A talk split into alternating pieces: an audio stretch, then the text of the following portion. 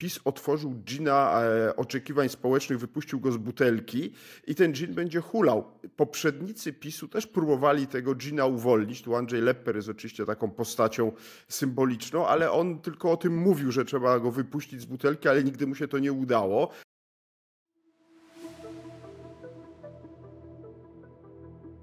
Dzień dobry. Witam w podcast 460. Nazywam się Barbara Brodzińska-Mirowska, jestem badaczką i komentatorką wydarzeń politycznych. Każdego dnia 460 posłów z różnych opcji politycznych walczy o władzę. Sięgają przy tym do serc, umysłów i często kieszeni swoich wyborców. W podcast 460 rozmawiamy o polityce, o tym, jak wpływa ona na nasze życie i na naszą codzienność. Przyglądamy się jednak tym procesom trochę z lotu ptaka. Jeśli chcecie nie tylko wiedzieć więcej, ale także więcej rozumieć, tworzę to miejsce dla Was. Chciałabym bardzo serdecznie podziękować wszystkim moim patronom. To dzięki Wam powstaje podcast 460 i dzięki Wam mogę myśleć o tym, w jakim kierunku rozwijać tę platformę. Szczególne podziękowania kieruję do Hemar Autobosz Service oraz Michała Szymanderskiego, Pastryk, marketing społeczny zaangażowany. Serdecznie dziękuję. Zapraszam Was, dołączajcie do naszej społeczności na Patronite. Tam znajdziecie profil tego kanału. Moi patroni mogą liczyć na dostęp do dodatkowej treści i do odcinków specjalnych. Zapraszam. dzisiejszego odcinka zaprosiłam e, znakomitego gościa, profesora Antoniego Dudka z Uniwersytetu Kardynała Stefana Wyszyńskiego i twórcę mm, kanału na YouTubie e, Dudek o historii. Posłuchajcie.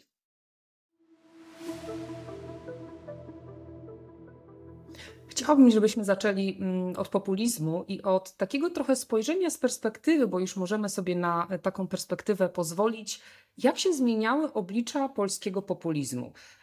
Innymi słowy, mm, czym się różni dzisiejszy populizm Jarosław Kaczyński od Andrzeja Lepera? Czy na tym tle Andrzej Leper nie wychodzi na jakiegoś centrystę.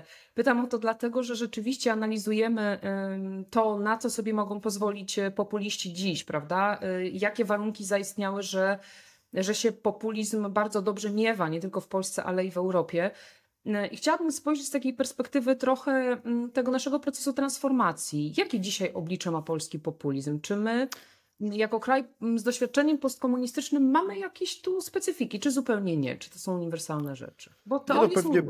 są pewne specyfiki polskiej polityki, część z nich wynika z dziedzictwa komunistycznego, ale akurat jeśli chodzi o populizm, kierunek ewolucji populizmu, to mam wrażenie, że tu akurat ten wpływ dziedzictwa e, komunistycznego nie jest duży. Bardziej mam wrażenie, e, to co dziś najbardziej zmieniło oblicze populizmu, to możliwości gospodarcze Polski. Polska się bardzo znacząco rozwinęła przez te 30 lat. Mówiąc wprost, staliśmy się krajem znacznie bogatszym. A skoro staliśmy się znacznie bogatszym, to i rządzący mają znacznie większe pole manewru. Czyli mówiąc inaczej, program prezesa Kaczyńskiego 500, który rzeczywiście otworzył mu drogę do władzy i który stał się fundamentem rządów Prawa i Sprawiedliwości przez ostatnie 8 lat, nie byłby w latach 90. możliwy, nawet no gdyby prezes Kaczyński miał taką władzę, jaką wtedy miał. Z prostego powodu budżet państwa by tego kompletnie nie wytrzymał. Czyli inaczej mówiąc, Polska musiała przejść przez e, kilka dekad dość szybkiego rozwoju i ograniczania przy tym e, wydatków na cele społeczne, żeby zgromadzić zasoby, które teraz są e, właśnie na naszych oczach wydawane. No i zobaczymy, jaki będzie finał tego procesu, bo ja nie kryję, że tutaj uważam, że już przekroczyliśmy czerwoną granicę, ale e, czerwoną linię, ale tego nigdy nie wiadomo.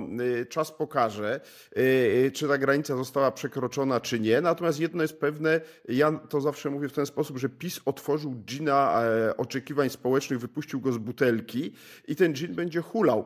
Poprzednicy PiSu też próbowali tego dżina uwolnić. Tu Andrzej Lepper jest oczywiście taką postacią symboliczną, ale on tylko o tym mówił, że trzeba go wypuścić z butelki, ale nigdy mu się to nie udało, ponieważ zawsze była blokada nie miał tych warunków, żeby sobie na to pozwolić. Ale właśnie dlatego zaczęłam od tego, że trochę z dzisiejszej perspektywy Leper z jego postulatami wygląda w zasadzie na takiego wataszkę, który bym powiedziała ten populizm uprawia narracyjnie. Zresztą my wiemy skądinąd też z mojej perspektywy, z moich nauk, że populiści mogą być w tym sensie ideologiczni, ale oni też bardzo często są, bym powiedziała, komunikacyjnymi populistami. Czyli w zasadzie dzisiaj każdy polityk jest populistą w jakimś sensie, ponieważ używa tego języka populistycznego. Natomiast rzeczywiście w tamtych czasach no, e, niemożliwe było, żeby te postulaty de facto e, były wprowadzone. Dzięki dobrobytowi de facto skierowaliśmy uwagę na inne rzeczy, prawda? Bardziej na strach przed obcym, na kwestie kulturowe, które umożliwiły wygenerowanie tych różnych lęków, ale też aspiracji, bo przecież chyba Kaczyński nie wyrósł tylko na kwestiach lękowych, prawda?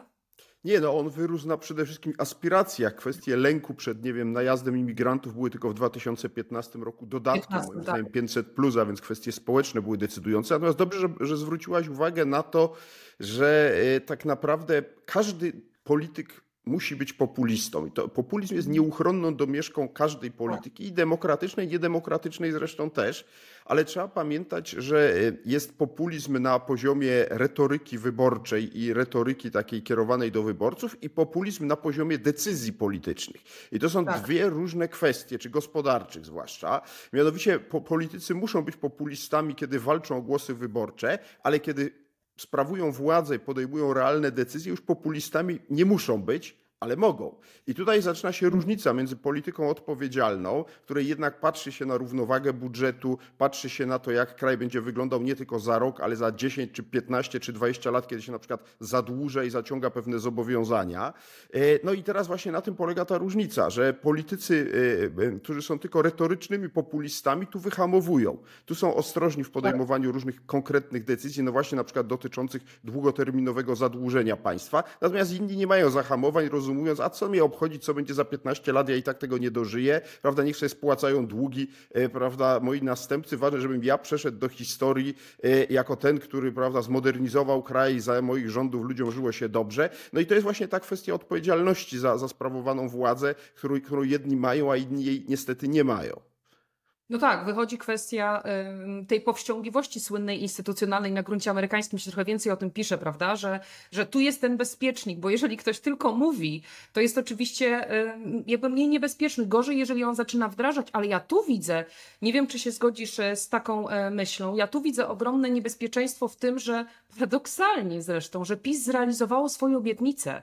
I to jest, mówię o niebezpieczeństwie w tym sensie, że były warunki, żeby zrealizować obietnicę 500. To jest bardzo potężny element, uważam, budujący ich wiarygodność i chyba jednak przyczyniający się do tego, że przez tak długi czas utrzymywali bardzo wysokie poparcie, mimo tego, że wszystko wskazywało, że tak nie powinno się wydarzyć.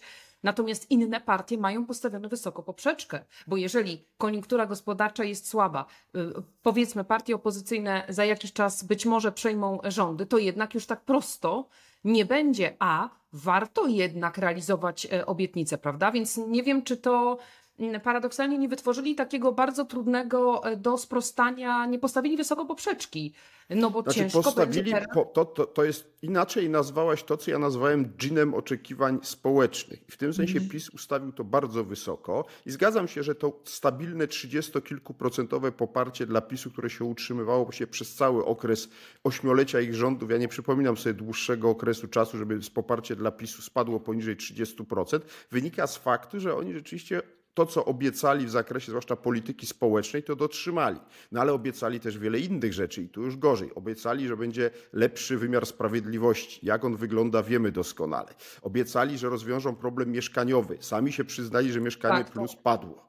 E, obiecali Polakom e, modernizację systemu edukacyjnego. Oboje pracujemy w systemie edukacyjnym. Wiemy, że tu się nie tylko nic Jak nie poprawiło, ale w mojej przynajmniej ocenie się pogorszyło. Więc zależy, co dotrzymali. Dotrzymali w obszarze rzeczywiście y, y, polityki społecznej. Tutaj trzeba przyznać, że to, co mówili, y, się im udało. No, tylko jest pytanie, jakim kosztem i kto to będzie w przyszłości spłacał, to czas pokaże, że o tym mówiliśmy. Natomiast, natomiast rzeczywiście ustawili wysoko poprzeczkę i teraz problem polega na tym, czy e, partie opozycyjne wobec PiSu zdają sobie sprawę, że z pewnych rzeczy trzeba się będzie wywiązać. Na pewno zdaje sobie sprawę Donald Tusk, który jak diabeł święconej wody unika jakichkolwiek konkretnych zobowiązań co do e, tego, jakby wyglądały jego rządy i używa tutaj takiego chytrego chwytu retorycznego. No słuchajcie, słuchajcie, ja nie mogę zdradzić moich pomysłów, bo wtedy PiS to wykorzysta i prawda, nie wygram wyborów. Tylko, że w ten sposób Tusk podkopuje sedno polityki w demokracji, która polega na tym, że kandydaci przedstawiają jakieś propozycje, ludzie sobie wybierają, które im bardziej odpowiadają, po czym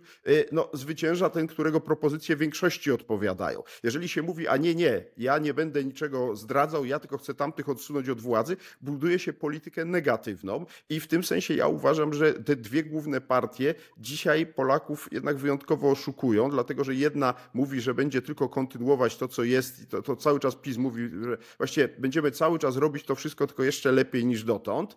E, i tak naprawdę nie odpowiadają nam mnóstwo pytań dotyczących na przykład e, tego, jak to się sfinansuje, no bo oni mówią, no skoro się to udało wszystko sfinansować, prawda, przez te 8 lat, to jest oczywiste, że przez kolejne lata naszych rządów też to wszystko sfinansujemy, podczas gdy wiemy doskonale i ci, którzy się tym lepiej interesują, że Polska zaczyna dość mocno zabiegać o kredyty za granicą, czy to w Korei, czy w Stanach, choćby na programy zbrojeniowe. I zdaje się, że nie bardzo jest w stanie tam te kredyty w takim zakresie, jakby chciała uzyskać, co pokazuje, że zaczyna problem. Tylko PiS to skwapliwie ukrywa, mówi, że absolutnie nie ma takiego problemu. Z kolei Tusk w ogóle się w tej sprawie nie wypowiada. Nie wiemy, co on właściwie w tej sprawie zamierza zrobić, czy on będzie jednak to kontynuował, mówię w tym wypadku o programach zbrojeniowych, czy nie. Więc mamy do czynienia z polityką emocji rzeczywiście i to jest może e, najistotniejsze, że w tej chwili populizm też czasem polega na zderzeniu różnych haseł, mądrych czy głupich, ale jakichś mhm. konkretnych. My już właściwie od tego odeszliśmy. W tej chwili jesteśmy, gramy tylko na emocjach. PiS mówi, zaleją nas imigranci, potrzebne jest referendum w tej sprawie.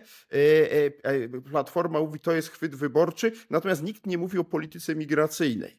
Nikt nie mówi z tych znaczących polityków o tym, że Polska wskutek starzenia się prawda, społeczeństwa, skutek klęski demograficznej, która już stała się faktem, będzie potrzebowała, żeby się dalej rozwijać, ktokolwiek nie będzie rządził, kilku milionów młodych ludzi, którzy skądś muszą do Polski przyjechać. W ogóle nie ma dyskusji na temat tego, skąd oni mieliby przyjechać, jakby to miało być zorganizowane. To wszystko jest robione tak, jak to jest, y, robi rząd PiSu, który mówi, nie wpuścimy dwóch tysięcy migrantów w ramach przymusowej relokacji unijnego systemu, ale równocześnie wpuścił sto kilkadziesiąt tysięcy przybyszów z, z Azji i z Afryki y, y, po cichu, prawda? Bez, bez dyskusji, bez jakiegokolwiek mówienia na ten temat głośno. Dlaczego? No bo rynek pracy to zaczyna wymuszać i ten proces się będzie nasilał. O tym się kompletnie nie dyskutuje. I demografia. I demografia to jest przykład takiej sprawy, jednej z wielu, o której powinna być w Polsce poważna debata przed wyborami, a jej nie ma.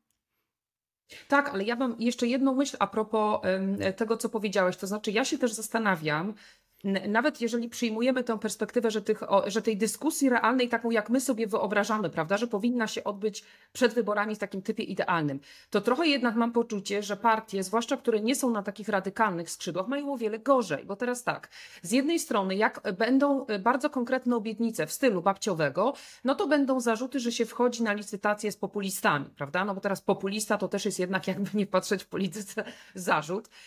Więc z jednej strony jest strach przed wejściem w licytację, z drugiej strony jest strach, że jak coś obiecamy, to jednak wypadałoby to spełnić, a jak e, wygramy, no to jednak sytuacja gospodarcza może na to nie pozwolić, jeżeli to będą kwestie finansowe. Z trzeciej strony trzeba bardzo ostrożnie do tego podchodzić, bo jeżeli mamy wygrać z perspektywy koalicji obywatelskiej, to jednak nie można zrażać do, sobie, do siebie dużych e, grup wyborców, więc patrzę na to trochę w taki sposób, że zastanawiam się, jaki będzie charakter tych wyborów, bo ja jednak cały czas mam poczucie, że zwłaszcza w tym 2023 roku to nie będą wybory na żadne programy. Więc czy to trochę nie jest tak, że Tusk to wie, to będą wybory na emocje, to znaczy dzień przed wyborami każdy Polak sobie powie, chce, żeby rządził Kaczyński czy nie. I te programy wszystkie będzie można włożyć między bajki, więc nie wiem, czy przypadkiem to właśnie nie jest podstawa tej strategii, prawda? Że uderzamy emocje, bo to nie będą wybory o niczym innym. I w tym sensie nie wiem, czy się ze mną zgodzisz, ale ja od kilku dni o tym myślę. Ja mam poczucie też na kanwie tego, co powiedziałeś o tym całym procesie transformacji, ja też o tym w innych odcinkach rozmawiałam między innymi z Andrzejem Rychardem. Czy nam tymi wyborami nie domyka się proces transformacji? Być może to będą ostatnie takie wybory, gdzie ten klasyczny taki podział, już funkcjonujący wiele lat w Polsce, Y, jakby domknie się. Nie masz takiego wrażenia?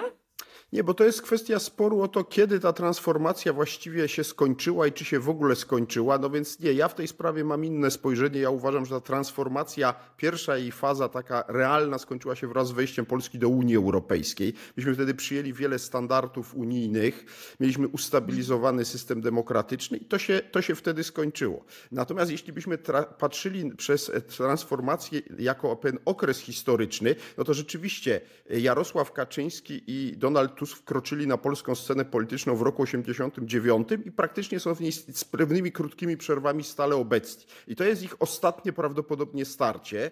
Zakładam, że za 4 lata, jeśli by miały być kolejne wybory za 4 lata, choć nie wykluczam, że będą szybciej parlamentarne, to to już nie będzie starcie Tuska z Kaczyńskim. I w tym sensie ostatni e, dinozaurzy polskiej polityki odejdą i w tym sensie transformacja się skończy. Natomiast e, jednak, e, jeśli spojrzymy na to jeszcze od innej strony, to mnóstwo kwestii, powiedziałbym, które się zaczęły po wyjściu Polski do Unii, jak na przykład kwestie energetyki, całej transformacji energetyki, to jest dopiero przed nami. Więc, więc ja, ja bym tutaj się nie, nie, nie, nie, nie zakładał, że coś się kończy w sensie jakiejś transformacji, natomiast kończy się pewna epoka polityczna. To tak, którą symbolizuje Kaczyński z Tuskiem, tu się zgodzę, ale w innych wymiarach moim zdaniem jesteśmy w trakcie różnych procesów, które się, jak mówię, zaczęły po wyjściu Polski do Unii Europejskiej, a inne się zaczęły z kolei na przykład po nowej fazie e, rosyjskiej agresji przeciwko Ukrainie, czyli pewne przekształcenia e, gładu geopolitycznego i tak naprawdę jesteśmy dopiero w drugim roku tych przekształceń i zobaczymy, co przyniosą kolejne lata. Więc, więc tutaj można z różnych perspektyw na to patrzeć. Ja, ja bym nie, nie, nie mówił, że akurat teraz tymi wyborami się jakaś transformacja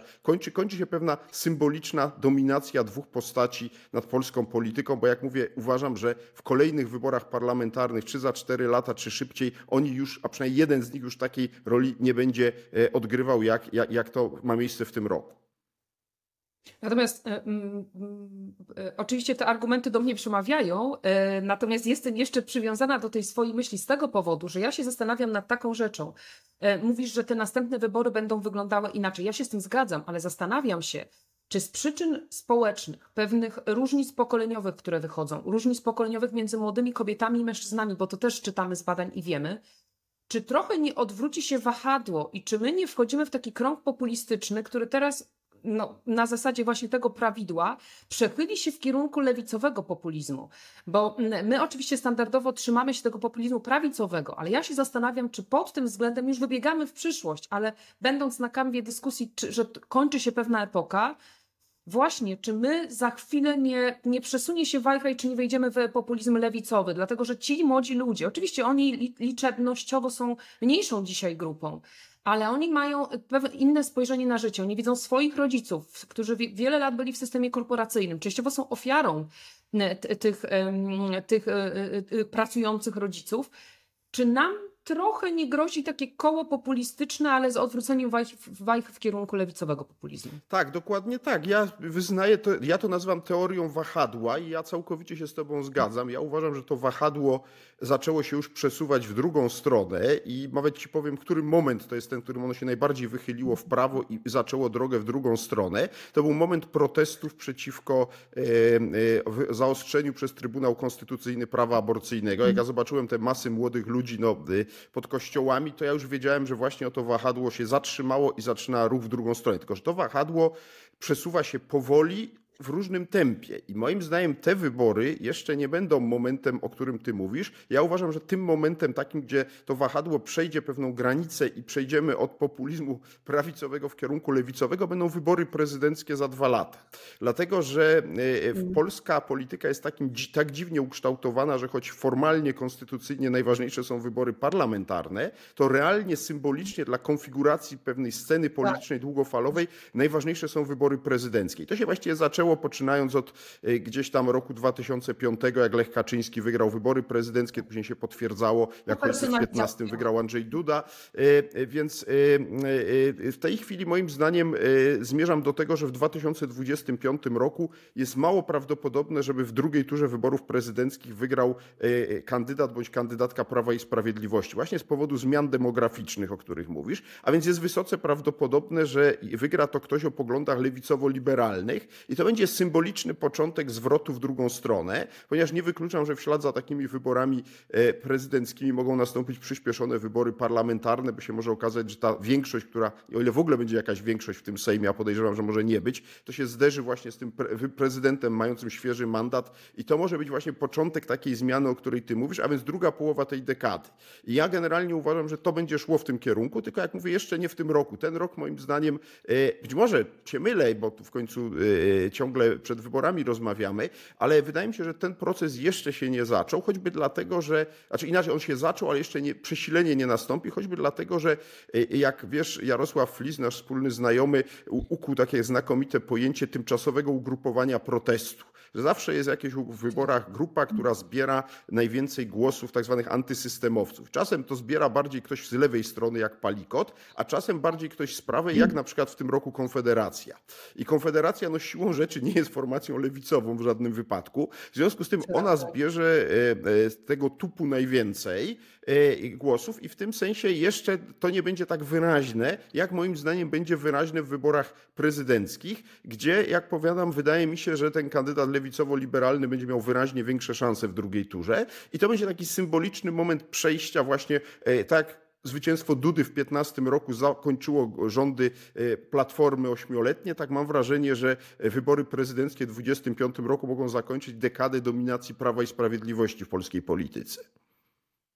Ale to z całą pewnością, tym bardziej, że jeszcze te dwa lata rzeczywiście trzeba będzie z, z prezydentem Dudą e, jakby funkcjonować, tak? Jeżeli opozycja, oczywiście zakładamy ten wariant, wygra. Ale myślę sobie, e, a propos tego wahadła jeszcze, że na pewno, znaczy zgadzam się z tym, że na pewno coś się dzieje, ponieważ ja nawet to poparcie y, dla Konfederacji, które zresztą tak na marginesie uważam, że jest dosyć mocno przeszacowywane, że ta, ta góra dla Konfederacji to tam wcale nie, nie wynosi tyle, ile y, czasem te sondaże pokazują, ale mimo wszystko uważam, że, że ten zwrot w kierunku Konfederacji też jest przykładem na to, że jednak y, pewna część wyborców, zwłaszcza no wiemy, to sondaży młodzi mężczyźni, relatywnie młodzi, oni jednak tych zmian e, e, e, boją się, tak? zarówno ekonomicznych, jak i społecznych, biorąc pod uwagę jednak drastyczne różnice między młodymi kobietami a mężczyznami, o których mówiłam. Więc na pewno coś się w tym wymiarze dzieje, więc chyba bym się zgodziła, że te wybory prezydenckie mogą być takim symbolem, ale też zastanawiam się, bo wspomniałeś, że było widać tych młodych ludzi w protestach i w ogóle teraz też było widać w marszach, które obserwowaliśmy na początku, wczesnym latem, tak? czy późną jesienią,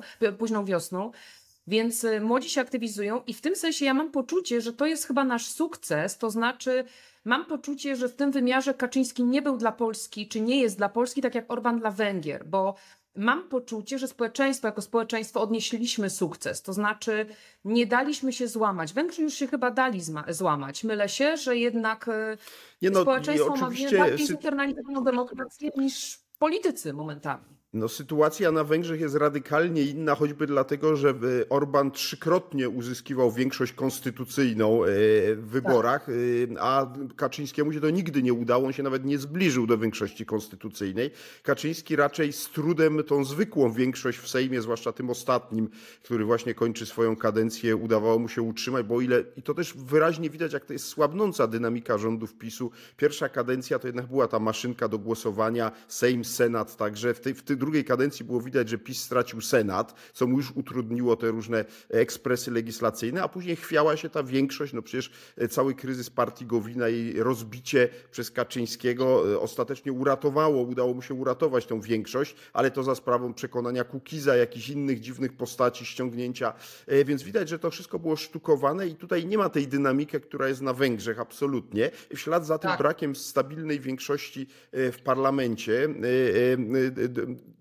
nie słyszałem, żeby Orban miał kiedykolwiek takie pre, preze, problemy z e, prezydentem na Węgrzech, jak, e, jak Kaczyński z Dudą, który jednak kilka razy też zablokował różne e, bardziej ekstremalne pomysły Prawa i Sprawiedliwości. Więc podsumowując, widać wyraźnie, że sytuacja w Polsce jest radykalna. Wreszcie kwestia mediów, już odchodząc od stricte większości politycznych, no z tego tak. co wiem, nie jestem specjalistą od Węgier, ale zdaje się, że tam ilość mediów opozycyjnych w stosunku do mediów, które kontroluje Fidesz jest kompletnie inna niż u nas. U nas jednak no, media opozycyjne opozycyjne są ciągle bardzo potężne. E, prezes Kaczyński to w ogóle nieustannie mówi, że właściwie to on jest w mniejszości e, e, medialnej, co jest do dyskusji, no ale w każdym razie jest tu jakiś stan względnej równowagi. Na Węgrzech kompletnie widać zdominowanie jednak mediów przez przekaz Fideszu. Więc mówiąc krótko, rzeczywiście kompletnie sytuacja w Polsce wygląda inaczej niż na mhm. Węgrzech i moim zdaniem to się już nie zmieni, dlatego że ja raczej widzę na horyzoncie schyłek rządów PiSu, choć nie będzie to ani szybkie, jak się niektórym wydaje, ani proste, choćby właśnie z uwagi na to, że prezydent Duda Jego kadencja się kończy w 25 roku, ale także i dlatego, że mamy Trybunał Konstytucyjny zdominowany przez ludzi wybranych przez PiS i jeśli opozycja nie będzie sięgała po metody pisowskie, to będzie musiała się pogodzić z tym, że e, e, z wyjątkiem trzech sędziów, tak zwanych dublerów, których kadencje zresztą kończą się w 24 roku, cała reszta sędziów Trybunału e, została wybrana w sposób legalny i nie można ich po prostu odwołać, a zatem przez kolejnych kilka lat sędziowie o określonych sympatiach będą w Trybunale Konstytucyjnym mieli większość. I to też jest problem, który ogranicza możliwość przyszłych władz wywodzących się z ugrupowań opozycyjnych. Więc to są wszystko czynniki, o których trzeba pamiętać, ale podsumowując, Polska i Węgry to są dwie różne rzeczywistości. Tak, ja myślę, że z tego zderzenia populizmu jednak my wychodzimy pomimo wszystko mniej poobijani. Mniej poobijani, mimo że oczywiście w tych wszystkich rankingach demokracji mocno oberwaliśmy. Media mamy, jakie mamy, tak? Czyli publiczne już w zasadzie nie spełniają żadnych standardów, jeżeli chodzi o, e, o te zasady demokratycznego państwa, ale ja się z tym zgadzam, że to są zupełnie inne światy i w tym sensie traktuję jednak to doświadczenie tych ośmiu lat e, rządów populistycznych przy dużym wpływie i dużych szkodach też instytucjonalnych, jednak jako, jako dowód na to, że spo, jako społeczeństwo myśmy sobie poradzili, bo my mimo wszystko to nie rząd, ale to społeczeństwo zachowało się świetnie w kontekście Ukrainy, tak? To e, polskie społeczeństwo nie daje się złamać, więc te protesty, które rzeczywiście wybuchły ze zdwojoną siłą w 2020 roku, po orzeczeniu Trybunału, no jednak y, y, nawrotowo, ale my funkcjonujemy społecznie bardzo dobrze, więc społeczeństwo obywatelskiego no, nie dało się tak złamać, jak to się udało y, na Węgrzech. Choć nie ma co ukrywać, że, że nasi populiści narobili szkód bez zmiany konstytucji. Nie była im zmiana konstytucji do niczego potrzebna, ale to już jest taka specyfika nasza. Natomiast powiedziałaś o jednej rzeczy, którą bym chciała pociągnąć, mianowicie konsekwencje. Ponieważ my konsekwencje tych ośmiu lat w bardzo wielu polach będą, no wiadomo, tak, długoterminowe, to jest dosyć oczywista konkluzja. E, I, i, i w, w, tym wymiarze społecznym się zastanawiam, ponieważ my już dzisiaj funkcjonujemy w ogromnych takich e, zamkniętych banieczkach e, informacyjnych i mm, bardzo ciekawa książka, która się, którą napisał Ezra Klein a propos polaryzacji w Stanach Zjednoczonych, Szalenie, ona oczywiście pokazuje inną perspektywę, ale ja tam zwróciłam uwagę na to, że człowiek pisze szalenie ciekawie o wyzwaniach związanych z funkcjonowaniem w, w społeczeństwach spolaryzowanych. I my oczywiście mamy pewnie zgodność, zakładam, że ta polaryzacja taka, najwyżej to konstruktywna, gdzie my się spieramy o pewne stanowiska, jest absolutnie normalna i wpisana w demokrację, ale już ta niekonstruktywna, silnie afektywna jest lub może być bardzo zagrażająca. I teraz myślę sobie, tam e, Klein podaje takie, mm, takie e, rady, że jednak trzeba system polityczny, system społeczny oswoić z głęboką polaryzacją. I on wychodzi z takiego założenia, że dobrze jest to robić e, schodząc nisko, tak? czyli do, na takie najniższe jakby poziomy funkcjonowania państwa. I myślę sobie, ponieważ już podczytuję to, co piszecie w, w pozycji Umówmy się na Polskę. Czy ta wasza propozycja trochę nie idzie w tym kierunku i czy ona może być e, takim remedium na tę polaryzację? Czy to jest kierunek, w którym powinniśmy iść, żeby sobie poradzić z tym takim potężnym pęknięciem?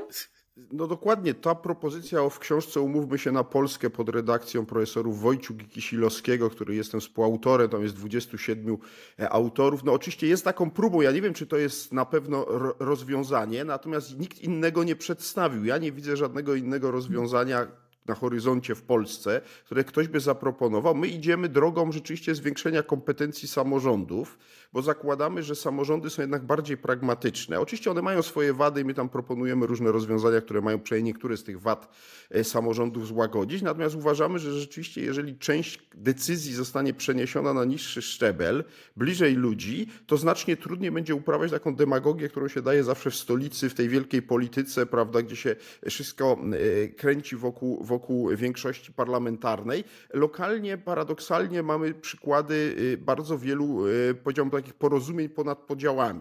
Nie zawsze oczywiście tak jest, są też gdzieś samorządy skłócone jeszcze bardziej niż polski Sejm, choć trochę sobie trudno w to wyobrazić, ale generalnie przeciętna jest korzystna i nie jest przypadkiem, że ludzie, i tam w naszej książce jest taki wykres, który ja pokazuję często, zaufania do instytucji państwowych na przestrzeni ostatnich trzech dekad, czyli to są badania badania z 30 lat robione i jest tam porównany rząd, prezydent, parlament i właśnie samorząd i samorząd jest przez cały ten okres wyraźnie lepiej oceniany od tych instytucji centralnych. I to nie jest przypadek, to zresztą był punkt wyjścia do tej naszej propozycji. Mhm. Więc ja nie wiem, czy rozbudowa kompetencji samorządu jest idealnym lekarstwem, ale jest jakimś kierunkiem, e, w którym moglibyśmy spróbować pójść. Nie wiem, czy by to się udało. Na razie wiem, że opór e, polityków z Warszawy byłby ogromny, bo to by oznaczało, że oni musieliby się części władzy pozbyć.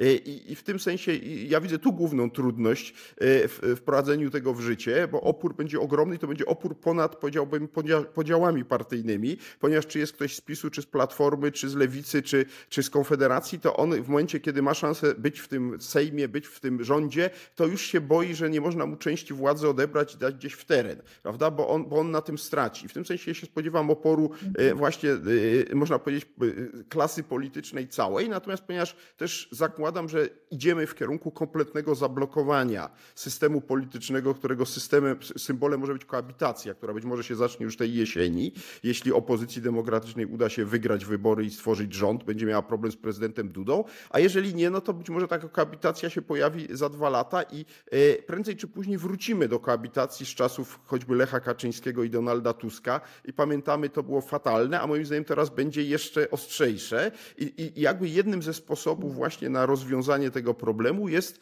e, nasza propozycja, żeby troszkę wyprofilować inaczej prezydenta, e, żeby on miał mniej pola konfliktu z rządem, a bardziej, żeby się zajmował kwestią nadzoru na właśnie nad tymi samorządami i był, można powiedzieć, strażnikiem jedności państwa. E, a, a, a rząd miałby większe, większe pole manewru, jeśli chodzi o politykę zagraniczną, politykę obronną, bo tu stale iskrzy między prezydentem a rządem, jeżeli oczywiście są z odmiennych orientacji. Ale to już nie chcę tego rozwijać. No, za, zachęcam do lektury tej książki. E, wiem, że nikt innego na razie nic nie, nikt nie zaproponował niczego innego, więc poczekajmy, może ktoś coś innego wymyśli, ale na razie to jest propozycja, która leży na stole i ona została po to wymyślona, żeby właśnie była pewnym punktem wyjścia do debaty w tej sprawie, e, bo moim zdaniem taką debatę będziemy musieli w Polsce zacząć, oby nie w momencie, w którym będziemy już po jakichś bardzo dramatycznych wydarzeniach. Lepiej być e, mądrym przed szkodą niż po szkodzie.